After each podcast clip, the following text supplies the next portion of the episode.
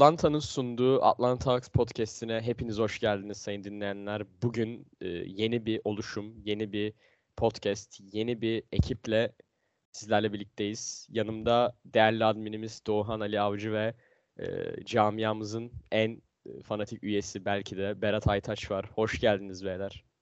Hoş bulduk Arda'cığım. Hoş bulduk. Öncelikle nasılsınız, iyi misiniz? Berat'cığım nasılsın sen cevapla önce? Ee, iyi, iyi diyelim, iyi olalım. Atlanta'yla uğraşıyoruz diyelim.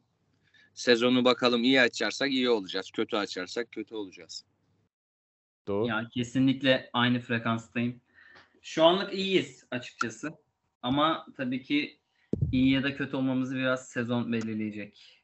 Moral Yeni bir olarak olu- şu an Evet. fazlasıyla yükseğiz diyebilirim. Yeni- Yeni bir oluşumumuz var bu arada podcast olarak. Ee, neredeyse her hafta sizlerin karşısında olmaya çalışacağız. Yer yer işte camiamızdan farklı isimler gelecek. Atıyorum tarihi bir bölümde e, çok iyi sürprizlerimiz olabilir. Çok teknik taktik detaylar için çok farklı isimler görebilirsiniz.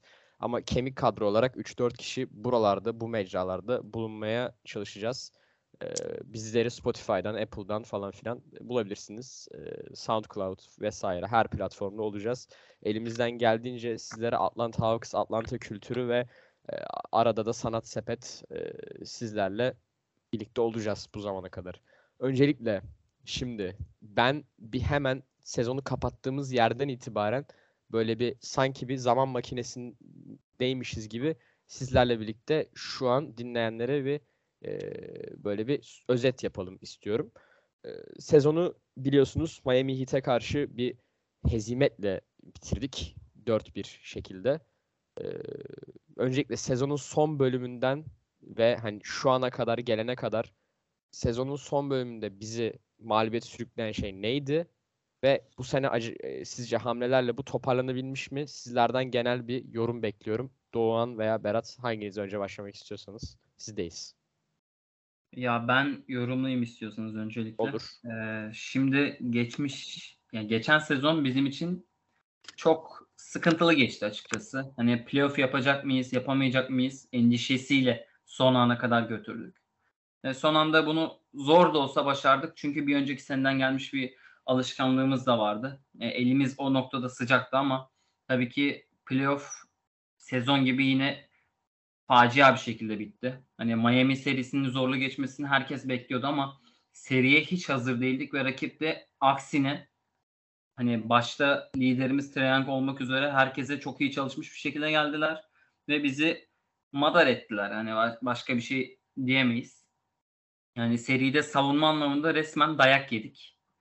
Ve hiçbir karşılık veremedik. Adamlarda Butler'ın oynadığı maçta da, oynamadığı maçta da yani her türlü üstünlüğü kurdular. Psikolojik üstünlükte, fiziksel üstünlükte Miami lehineydi. Yani kimse tabii ki bizden birinci sıradan giren takımı elememizi beklemiyordu. Hani ama daha iyi bir karşılık verebilir miydik? Verebilirdik. Bizim de beklentimizin altında kaldı. Yani bu sene biraz kırılma senesi olacak koç Nate McMillan adına da. Çünkü geçen sene hiçbir dokunuş yapamadı playoff'larda da normal sezonda da çok e, verimli olduğu söylenemez. Yani eksiklerimize bakarsak geçmiş sezon adına büyük bir savunma eksikliğimiz vardı. E, bu savunma eksikliğini özellikle kısalarda Trae Young'ın yarattığı zaafı yaptığımız çok önemli Dejounte Murray hamlesiyle hani büyük bir ölçüde kapatabileceğimizi düşünüyorum. Çok iyi destek olduğunu düşünüyorum bu hamlenin. Ama tabii ki sadece yapılan hamleyle olmuyor bu işler. Bunun aynı zamanda koç ekibi tarafından sahaya uyarlanabilmesi de gerekiyor. Yani onun haricinde ikinci bir sıkıntı olarak geçmiş sezondaydı. Yani geçmiş sezonu bizim biraz sıkıntılı geçirmemize sebep olan etmenlerden birisi sakatlık faktörüydü. Çok fazla sakatlık verdik. Bogdan Bogdanovic hala sakat bir şekilde sezonu açtı diyemiyoruz. Çünkü açılış maçını da geçiremeyecek kendisi. Onun haricinde sakatlık sabıkası olan Hunter, Collins, Capella, Okongwu gibi isimlere bir de çaylak olarak yine sakatlık sabıkası bulunan AJ Griffin'i ekledik. Yani eğer e, savunmayı oturtabilirsek yani takıma belli bir savunma kültürü aşılayabilirsek kimse bizden ligin en iyi 10 savunmasından biri olmamızı beklemiyor ama en azından 15 bandında olabilirsek çünkü hücumumuz gerçekten üst seviyede bir hücum. Ayrıca sakatlıklardan da ağzımız çok fazla yanmazsa bu eksikleri kapatıp bu sezona hem iyi bir başlangıç yapıp hem de e, beklediğimiz noktaya gelebileceğimizi düşünüyorum ben. Berat senden de şöyle bir yorum almak istiyorum. Hani yapılan hamleler gerçekten tamamen eksiklerimizi kapatmaya yönelik miydi yoksa hani tamamen lüks hamleler miydi? Yani benim düşüncem e, yapılan hamlelerde doğruya gittik ama bence elimizden kaçırdığımız bazı oyuncuları çok arayacağımızı düşünüyorum ben. Yani özellikle e, Delon Wright gibi bir sahadaki karakteri çok arayacağımızı düşünüyorum kesinlikle. E, Dejounte Murray takasına geldiğimizde de bence yapılması gerekiyordu. Doğu da bahsetti. Kısa savunmamızda çok büyük bir zaafımız var. İçeride Capella'ya geldiği zaman e, e, Capella'ya gelene kadar topun hiç kısaları durduramadığımızı düşünüyorum. Yani buna siz de hak verirsiniz. Dış savunmamız bir kere sadece Hunter'ın üstüne kalıyor. Başka hiç kimseden katkı alamıyoruz. Zaten Trey Young'dan hiç katkı alamayacak gibiydik. O da olmadı ve sezonu çok büyük bir hezimetten kapattık. Ya bence bu senenin zaten en kilit e, isimlerinden biri bana kalırsa DeAndre Hunter olacak. Tamam Dejante Murray ile Trae Young çok çok önemli bir iki opsiyon bizim için ama işler e, üçüncü adama kaldığında o isim bence DeAndre Hunter olmalı. Keza işte 2019 senesinde draft olan oyuncuların da lige ne kadar işte Jordan Poole'un aldığı kontratlar, Darius Garland vesaire hepsinin parlamasıyla DeAndre Hunter'dan da böyle bir yükseliş bek- bekliyorum ben. Yani artık lazım yani. Neden seçtiğimizi onun artık bütün ligin duyması lazım. Keza işte e, playofflarda ve normal sezonda yer yer hücum hücumunun da ne kadar üst düzey olduğunu gördük ama savunmasını da artık belli bir tabana oturtması ve bütün genele yayması gerektiğini düşünüyorum. Ya Hunter çünkü yer yer var olabilen bir oyuncu. Belki siz de katılırsınız buna. Ya bazen var, bazen yok. Artık o istikrarı sağlayarak e, tamamen takıma adapte olabilmesi lazım ve güvenilir bir opsiyon olması lazım. Benim düşüncem bu. Yani katılıyorum. Hunter ve Collins'te şöyle bir durum var. Hani yer yerden şunu söyleyebilirim. Maç içi istikrar bile yok. Maçın içinde ikisi birden bu iki oyuncunun da belirgin özelliğinden birisi. Bazen yok oluyorlar. Hani maç içinde olup olmadan anlamıyorsunuz. Hani hücumda sorumluluk almıyorlar, topu istemiyorlar. Hani sadece dolanıyorlar. Savunmada bakarsan Hunter gerçekten savunma açısından hani iyi bir kanat savunmacısı aslında. Hani kumaşı bu yönde ama bunu geçen sezon bize hiç yansıtamadı. E, tabii ki sakatlıkların da etkisi var. Kendisi sakatlıktan da çok çekti ama yani beklediğimiz seviyeye ulaşamadı geçen sene. E, bu sene onun için çok önemli bir eşik. Kontrat senesi. Söylediğin gibi kendi e, aynı dönem döneminde draft edilen isimler yüksek meblağları aldılar. Kendisi de elbette iştahlı olacaktır bu konuda ve bizim için çok önemli bir noktayı arz ediyor DeAndre Hunter. Eğer kanatta hani o üçlükleri beklediğimiz gibi yağdırıp iyi de savunma yaparsa ki genelde rakibin en iyi oyuncularına yani yeri geliyor Doncic'e, yeri geliyor Booker'a biz Hunter'a veriyoruz savunması için. Hunter bunları savunabilirse ya bizim için çok önemli bir nokta olacak diye düşünüyorum. Ama yani çok ümidiniz var mı? Benim aşırı ümidim yok. Hani çok e, umut beslemememiz gerektiğini düşünüyorum. Evet potansiyeli var ama yani zihinsel olarak bunu başarabilecek mi? Bunca sakatlıktan sonra bence endişe de ediyor. Tekrar sakatlanırım. Tekrar başıma bir şey gelir mi acaba diye. Bir de dediğim gibi kontrat senesi olduğu için. Bu arada hemencecik hızlıca bir off-season'da yaptığımız hamleleri sayacağım. Ee, böyle bir haber bülteni gibi. Ee, sırasız sayacağım bu arada. Önce gidenlerden başlıyorum. Ee, sizin de dediğiniz gibi podcast'in başında Dylan Wright bence çok kan, kan kaybettirecek. Aratacak yani resmen e, free agent oldu ve geri imzalamamızın ürünü olarak Washington'a gitti. Lou Williams zaten free agent halen diyebiliyorum şu an. Herhangi bir takımda imzalamadı. Skyler Mace e, kendisi 2020'de de draft etmiştik yanlış hatırlamıyorsam. Free agent. E, Timothy Luvau Cabarot free agent. E, serbest bıraktık kendisini. Kevin Knox e, free agent'tı. Detroit Pistons'ın yolunu tuttu. Cam Reddish olayına zaten girersek çıkamayız. Yani neden aldık Kevin Knox'ı, neden bıraktık? Çok çok e, gereksiz bir hamle oldu bence. E, Kevin Erter e, Sacramento'nun yolunu tuttu. E, bu da gerçekten yer yer aratacaktır diye düşünüyorum. Danilo Gallinari San, e, Sacramento'nun yol, San Antonio'nun yolunu tuttu pardon. E, ondan sonra e, San Antonio galiba free agent olarak bıraktı kendisini. Sonra Evet, Boston'a kontrat Boston'a imzaladı. gitmişti. Evet. E, Gorgi Deng'i e, free agent olarak bıraktık. Sonra San Antonio Spurs'le imzalamış Ağustos'un 9'unda. Sheriff Cooper'ı e, bıraktık. Sonra Cleveland aldı. Sonra Cleveland da tekrardan free agent olarak bıraktı kendisini. E, genel adlarıyla bir de işte Chandy Brown Jr. diye bir o isimli oyuncumuz. Onun da e, two-way kontratı bitmiş bizdeyken ve free agent olarak e, markete girmiş. E, Şimdi hemencecik bir takıma kattıklarımızı konuşalım. E, Dejante Murray zaten e, konuştuk. E, San Antonio takasında ve hani verdiğimiz pikleri de zaten birazdan geliriz. E, Tyrese Martin'i draft ettik. 51. sıradan ikinci tur 21. pik olarak. E, draft'a da geleceğiz. AJ Griffin'i draft, draft ettik. 16. sıradan. E, birinci tur 16. sıra olarak. E, Jared Culver'la kontrat imzaladık. Trent Forrest'la kontrat imzaladık. Aaron Holiday ve Justin Holiday kardeşler. ikisi de takıma geldi ki savunma açısından bazen e, çok çok araya arayabileceğimiz isimler. Bench'ten gelerek çok büyük katkılar sağlayabilecek isimler. Frank Kaminsky ile kontrat imzaladık. Whit Krejci ile e, Oklahoma takısı oldu. Ben hala anlam veremedim. Gerçi konuşuruz bunu birazdan da. Genel hatlarıyla aldığımız ve bıraktığımız oyuncular bu şekildeydi.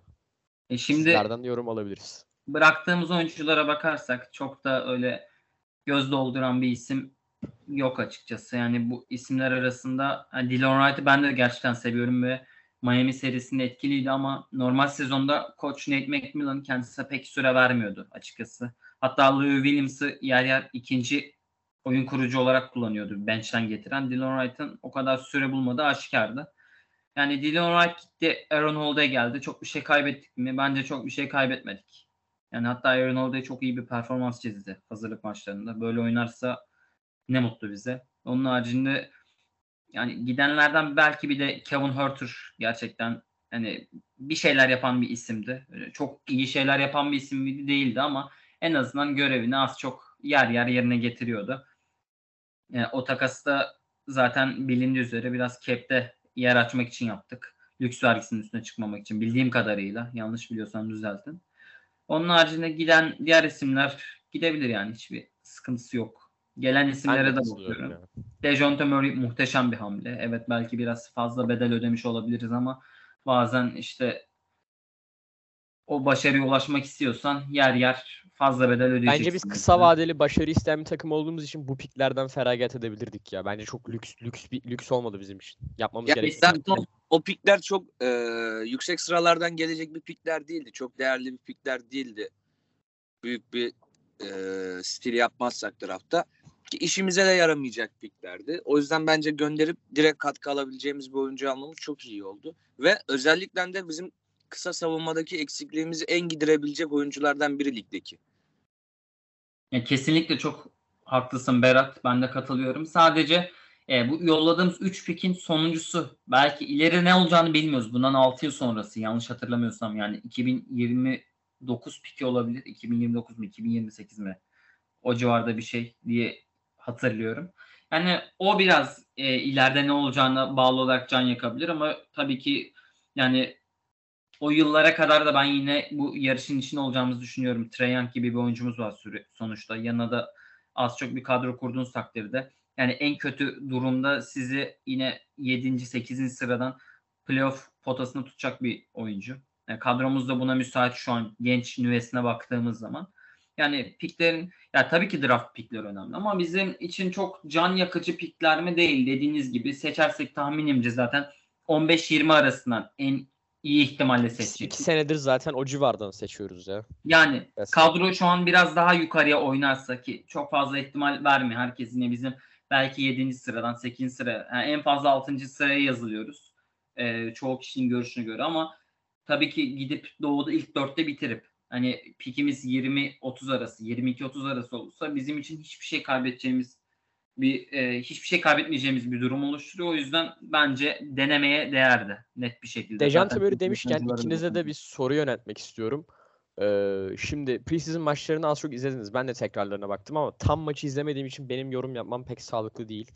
Ee, Dejante Murray ve Trae Young'ın aynı anda sahada kalıp ikisinden de tam verim alabilmek için bunun ilacı ne? Hani kimin guard oynaması veya kimin skorer opsiyonda daha söz sahibi olması lazım? Veya kimin oyun kurucu olarak takımı gör, gör- yani yönlendirmesi lazım tamamen? Yani bence e, öncelikle Trey Young'ın topsuz oyununu geliştirmesi lazım. Geliştirmesinden çok daha çok isteyerek oynaması lazım. Bu işler istediğin kadar geliştir ama Trey Young ben top elimde olacak dediği sürece sen istediğin verimi Dejounte Murray'den alamayacaksın. O mentale girmesi bence yeterli olacaktır Trey Young'ın. Dejounte Murray'nin top elindeyken daha faydalanabilir. Çünkü köşede şutör olarak pek verimli değil şey e, Dejounte Murray. Ama Trey Young'dan geçen seneki istatistiklerine baktığın zaman Trey Young e, toplam daha az oynadığı zaman daha sektirdiği zaman daha çok sayı bulmuş. Daha isabetli sayı bulmuş bir oyuncu. Ve e, clutch time'a girdiğimiz zaman da e, Trey Young'ın diri olmasını her zaman daha çok istersin. Çünkü bu ligin en iyi oyun, e, son peri, son çeyrek oynayan oyuncularından biri. Benim dediğim gibi e, bence Murray'nin Ben topu de eli katılıyorum ya. Ben de katılıyorum. Çünkü Dejounte Murray tamamıyla ve biraz daha takımı takımıyla birlikte oynamayı çok öğrenen bir oyuncuydu yani draft olduğundan beri. Bir de Greg Popovich gibi bir koçla çalışması bence saha içinde birçok şeyi eline alması gerektiğini gösteriyor. Ya o bile çok büyük bir etken bence. Yani şunu söyleyebilirim. O topu Triang'dan tamamen alamayacağız. Bu kesin.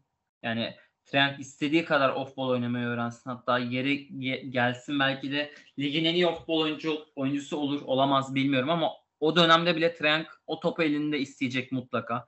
Yeri gelecek iki atak üst üste gidip Evet isolation isolation oynayacağım deyip zorla alacak yani. Yani yapacak bunu. Şimdi bunu e, her baştan kabullenmek, farkında olmak gerekiyor ama hazırlık maçlarını bence gayet uyumluydular. Hani evet Murray'nin topa değmediği ataklar da oldu ama gerçekten hani ben uyumlu olduklarını düşünüyorum. Hani çok fazla dert etmemek gerekiyor. Topu kim tutacak, kim koruyacak diye. Hani ona kendi aralarında yani %100 dengeli olması da dengeye yakın bir biçimde bölüşeceklerini düşünüyorum ki gördüm. Bence gayet iyi bölüştüler hazırlık maçlarında topu. Onun e, bunun haricinde burada koçun görevi çok önemli.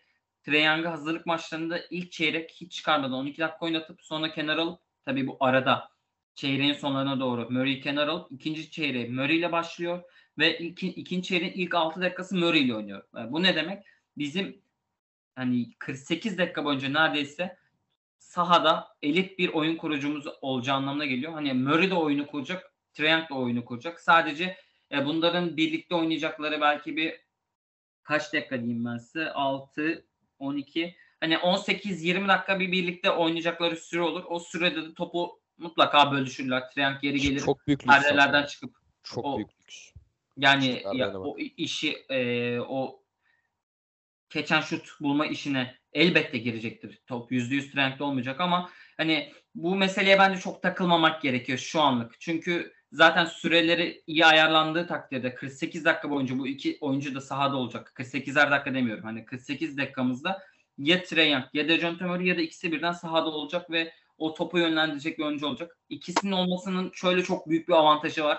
Ve biliyorsunuz Triangle'ın üzerine Miami serisinde de gördüğünüz üzere oyuncular çullandı. İkişerli baskı. Geri geldi. Üç oyuncu birden çullandı oldu. Çünkü başka sorumluluk olan bir oyuncu yok takımda.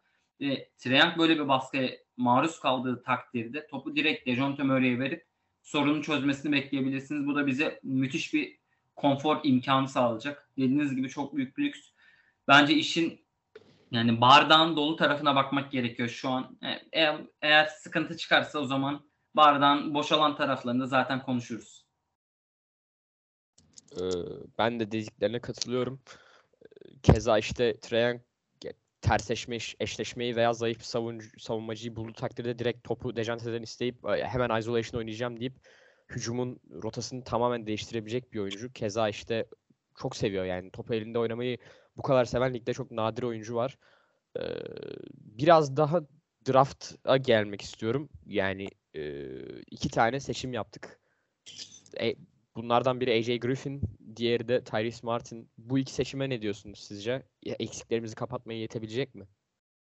Yani e, ben drafttan çok anlamıyorum açıkçası. Yani oyuncuları takip etmiyordum. Şimdi doğru konuşayım. Yani sadece izlediğim hazırlık maçlarını gördüğüm kadarıyla yani Tyrese Martin'in öyle aman aman süre alacağını düşünmüyorum. Ancak bir sakatlık durumu olur veya garbage time durumu olur. Yine 12 kişilik rotasyonun haricinde ilk süre alacak oyuncu Tyrese Martin olacaktır ama yine de çok öyle yüksek süreler bulabileceğini zannetmiyorum şu anki durumda. AJ Griffin'e bakacak olursak ben AJ Griffin'den ümitliyim. Tabii ki sakatlık durum olmadığı takdirde çok e, keskin bir şutör gibi duruyor kendisi. Ya savunmasında öyle yüksek bir savunma profili olduğunu sezmedim gördüğüm kadarıyla. Belki takımına, takıma daha uyum aşamasında olduğundan kaynaklıdır ama ben iyi bir hamle olduğunu düşünüyorum ki kimi çevrelerce stil olduğu da söyleniyor. Umarım gerekli katkı verir bize. Yani bence AJ Griffin e, biraz Bogdanovic profili çizdi dediği gibi Doğu'nun hazırlık maçlarında. E, savunmada biraz ekstra bir şeyler yapmayan ama hücumda da köşeye koyduğun zaman topu sıkıştığında atıp elini kaldırıp şut atabilecek bir oyuncu. Yani biraz ikinci beşte Bogdanovic'den aynı süreyi paylaşabilirler diye düşünüyorum ama dediği gibi Tyrese Martin'den pek de ümitli değilim ben de. Ya kötü olduğundan değil de hani çok süre bulabilecek profili bir oyuncu olduğunu düşünmüyorum ben açıkçası. Bizim koçun da çok zaten biliyorsunuz ilk turdan çek, e, seçtiğimiz Çaylağı bile geçen sene süre vermekle imtina etti. Yani Tyrese Martin'de çok da göreceğini zannetmiyorum. Hatta AJ Griffin bile yer yer geride kalabilir Justin Holiday ile Bogdanovic'in gerisinde. Umarım e, çok fazla kenarda bekletmez. Adam kenarda İncil okuyacağına sahada üçlük atsın daha iyi diye düşünüyorum. Jalen Johnson'a ne diyorsunuz? Bu sene kilit olabilir mi bizim için? John Collins'ten e, böyle bir formayı, forma mücadelesinde bir kilit adam olup bir anda böyle parlayabilir mi? Ne diyorsunuz? Çünkü geçtiğimiz sezon hiç süre bulmadı. Belki de geçtiğimiz sezonki sürelerini e, Macmillan bu sene dağıtır. Ya John Collins'ten formayı alamaz. Alacağını hiç düşünmüyorum ama bench için kilit bir isim olabilir. Hani... Ben şeyden dolayı diyorum. Collins böyle hani takımda biraz daha e, sorunlu bir profil çiziyor ya. Bir, geçtiğimiz sezonda çok tartışıldı bu atıyorum. Cam Reddish, John Collins, Triangle üçlüsünün hiçbir zaman hani arasının iyi olmadığı ve bazı sorunlar oldu. O yüzden de John Collins'in her an böyle ben bir takımdan çekip gitme potansiyeli olduğunu düşünüyorum. Bu yüzden bence Jalen Johnson rolü biraz kilit. Az buçuk diş gösterdiği zaman e, Collins'in yaptığı tek bir şımarıklıkta atıyorum. Takımın dengeleri değişebilir. Bence oynarsa çok fiziksiz kalırız. Yani John Collins'in yeri geldiği zaman e, Dejounte Murray ve Capella'nın aynı anda sahada kalamayacağı maçlar olduğu zaman e, Collins'in 5 numaraya geçeceğini düşünüyorum ben. Belki o zaman oynayabilir ama onun dışında çok fiziksiz kalırız. Yine de benim bir umudum var ya Jalen Johnson'dan. Hani benim de biraz var. O yüzden son New Orleans Pelicans maçında da iyi bir oyun sergiledi. Bulduğu 31-32 dakikalık sürede bence. Yani bunu daha kısıtlı süreler alacak. O kısıtlı sürelerde bize yansıtırsa yani gayet iyi bir performans sergiler diye düşünüyorum Jalen Johnson. Yani daha fazlasını şu an için beklememek gerekiyor. Zamanla gelişecektir. Hatta kolejdeki koçu kendisinin LeBron James olabileceğini söylemişti. Yanlış hatırlamıyorsam o tarz bir demeci vardı ama ya öyle bir beklentimiz yok kendisine ama yine de takımda biraz olsun güven aşılasa bize yeterli bizim için. O zaman e, hamleleri konuştuk, draftı konuştuk. Biraz da sezona geçelim. Şimdi kıs, bak uzun vadede ve kısa vadede beklentilerinizin ikinizini de alacağım ama şimdi bunlara geçmeden önce bu takımı hani nerede gör, görelim hani en gerçekçi hedef ne bu sezon ve hani takımı izlerken en gerçekçi girebileceğimiz beklentilerin listesini alabilir miyim sizlerden? Ben, ben uzun vadede. Sen söyle istersen. Ee, bence e, sezonda tepedekilerden kesinlikle maç çalacağız ama aşağıya da çok maç vereceğiz lotarya takımlarına veya e, playoff yapıp yapmayacağı veya tanking'e yatıp yatmayacağı belli olmayan takımlara da maç kaybedeceğiz. Çünkü bizim takımın profilinde öyle bir profil var. Geçen seneden kalan bir alışkanlık. Ama kesinlikle de yukarıdaki takımlara e, 1-2'ye yazılayan hatta ilk dörtte olması kesin gözüyle bakılan Milwaukee, Boston e, o tarz takımlara kesinlikle sıkıntı çıkaracağız. Ama bence bizim takımın en gerçekçi hedefi sezonu 5. sırada bitirmek olur. Çok düşük ihtimal yukarıdan birileri e, sakatlık yaşarsa da 4. sırayı hedefleriz diye düşünüyorum. Doğru. Ya ben de gerçekçi hedef olarak bakarsam ya tabii ki ne kadar objektif olabiliriz bu konuda. Yani duygusal yaklaşıyoruz ama ya ben gerçekçi hedef olarak 3-4 sıra 3. 4. sırayı alabileceğimizi düşünüyorum bu kadroyla. Bu takım yani... bana tam şeyi veriyor bu arada. 2019 Toronto veriyor. Çok feci. Hani profil olarak da böyle biraz üst takımlardan çok feci playoff'ta e, round çalmaya hatta maç çalmaya çok yatkın bir takım var. E, yani biraz savunma, biraz hasıl ve hücumda da opsiyonların çoğalmasıyla e, çok feci şeyler izleyebiliriz. Bilmiyorum. Ve dediğin gibi bu arada e, oyuncular olarak, olarak da benziyoruz.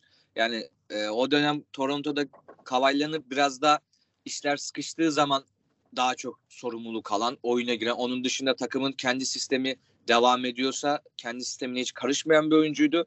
Oradaki Kyle Lowry görevini e, Dejounte Murray görür.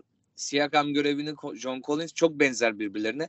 Dediğin gibi umarım o maçları çalabiliriz ama bence e, konferans yarı finali hatta finali bizim için çok büyük iştir diyorum ben. Bence yarı finale zaten çıkarsak biz Atlanta olarak bir şekilde konferans finaline doğru yol almaya başarırız. Zaten biz işler tam böyle e, zora girdiğinde bir şeyler başar başarmayı seven bir takımız.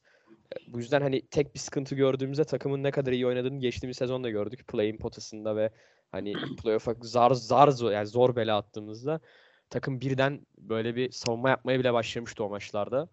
Bu sezonki en kilit olay bence savunma ve e, geçtiğimiz sezon işte pek içeride olmayan DeAndre Hunter, Jalen Johnson, bench katkısı gibi e, bu tarz oyunculardan keza Bogdan Bogdanovic'ten de alacağımız katkılar. Çünkü zaten Trae Young ve Dejounte Murray ve John Collins, Capela gibi oyuncuların zaten tavanı ve tavanı tabanı çok belli. Onlardan her türlü biz katkı alacağız. Çünkü oyuncular gerçekten hani belli bir seviyenin üzerindeki oyuncular. Hani kötü oynadıkları günlerde bile belli bir şekilde takımı e, takıma iyi etmenler koyabiliyorlar. Hani sahaya olarak olsun. E, bu yüzden bence e, bench'teki isimlere çok bakıyoruz ki geçtiğimiz sezon yani bench'teki guard eksikliğinden çok çektik. Tamam Dylan Wright yer yer geri geliyor yapıyor yani kapatıyordu o eksikliği ama tamamıyla bir bench'teki skor opsiyonu çok çok lazım. Keza işte Bogdan Bogdanovic playoff'ta biraz böyle bir gösterdi o rolü. E gösterdiğinde de maç maç aldık zaten Miami'den. Ya bir maç maç aldık. Bench'ten hani gerçekten o maç çok iyiydi ve maç aldık adamlardan. Abi sıkıntı adam sağlıklı kalamıyor. Evet. Yani sahada olsa belki bir şeyler yapabiliriz diyeceğiz de adam sahada bulunamıyor. Sıkıntısı bu. Ve bence bizim takım için bu sezonki en önemli e, istikrar şeyi de sakatlık olmaması. Çünkü geçen sene sakatlıklar olmasa tamam sezonu kötü açmıştık ama bu kadar kötü olmayacaktık. Yani play'ine çok kötü açmıştık zaten ya. 8-4 falan 8-3 mü? Çok kötüydük ya. 3-8 Bu sene pardon. işte en azından iyi açabilme fırsatımız var. ve o Evet, havada Bizle var birlikte. bir. Hemen fikstürü söylüyorum. Bir 4-5 maç. Ee, sezonu Houston maçıyla açıyoruz. alayım Sonra- galibi. Sonra Orlando Magic bu arada içerideki maçlar bunlar. İlk 3 hafta içerideyiz. Ee, Houston, Orlando, Charlotte. Sonra De- Detroit Pistons deplasmanına gidiyoruz. 2 hafta oradayız. Tekrardan Detroit Pistons maçı. Sonra Milwaukee Bucks deplasmanına gidiyoruz. Sonra Toronto'ya gidiyoruz. Sonra New York Knicks'e gidiyoruz. Şimdi bak buradan ben söylüyorum. 3-0 açtık. Detroit Pistons'lardan bir tanesini veririz. Det- Detroit'e çok ters geliyoruz çünkü. Ee, Detroit gerçekten bize ters geliyor yani. Ee, buradan atıyorum şöyle düşünüyorum. Ee, tamam. Yani düşünüyorum Toronto'yu da yensek 4'e 2 falan çıkarız gibi geliyor buradan. Toronto'yu da ye- yenebilir, yenilebileceğimizi düşünüyoruz. Sezona 5'e 2 mi de diyecektim. aynen 5'e 2. Ni- Sonra New York Knicks deplasmanında 5'e 2 Bence orayı da başkomutan sayesinde kazanırız ya. Geçen seneden e, Noel maçını oynayamamıştı orada. Evet. Orada ben doğru. çok acayip bir Trey Young maçı bekliyorum. Ya keza zaten sezonun başına böyle bir maç konulması takımın da hani alevlendirebilir çünkü e, bu tarz olayları seven ve hani kaostan beslenen bir takımız. E, iyi gelir, diri tutar yani bu tarz maçlar. O yüzden hoşuma gidiyor bazen. Ya şimdi şöyle bir durum var beyler. Ee, fazla gaza da gelmemek gerekiyor. Şundan dolayı diyorum. Yani şimdi göründüğü kadarıyla saydığın takımlar zaten Houston'dur, Orlando'dur, Detroit'tir. Yani şu an tahmin edildiği kadarıyla tanking takımları olacağı düşünülen takımlar. Ancak bu e, takımlar tanking'i özellikle Şubat, Mart'tan sonra yapmaya başlıyor. Bunlar daha Ben de ilk şey maçlarında Evet. onun o sezonun verdiği hani basketbol oynamanın verdiği açlıkla bunların gençleri de yoğun bir istekle maçlar oynayacaklar. Bizim için gerçekten hiç kolay geçeceğini düşünmüyorum herhangi bir maçın. Hani aralarında belki Charlotte maçı olabilir. Hani Çünkü onlarda- sakatlık ve e, gerçekten absürt bir örnek var Miles Bridges gibi. Aynen. Ve ama Doğu'nun dediği çok doğru. Houston ve Orlando maçları sezonun ilk iki maçı olmasını istemeyeceğim maçlar yani.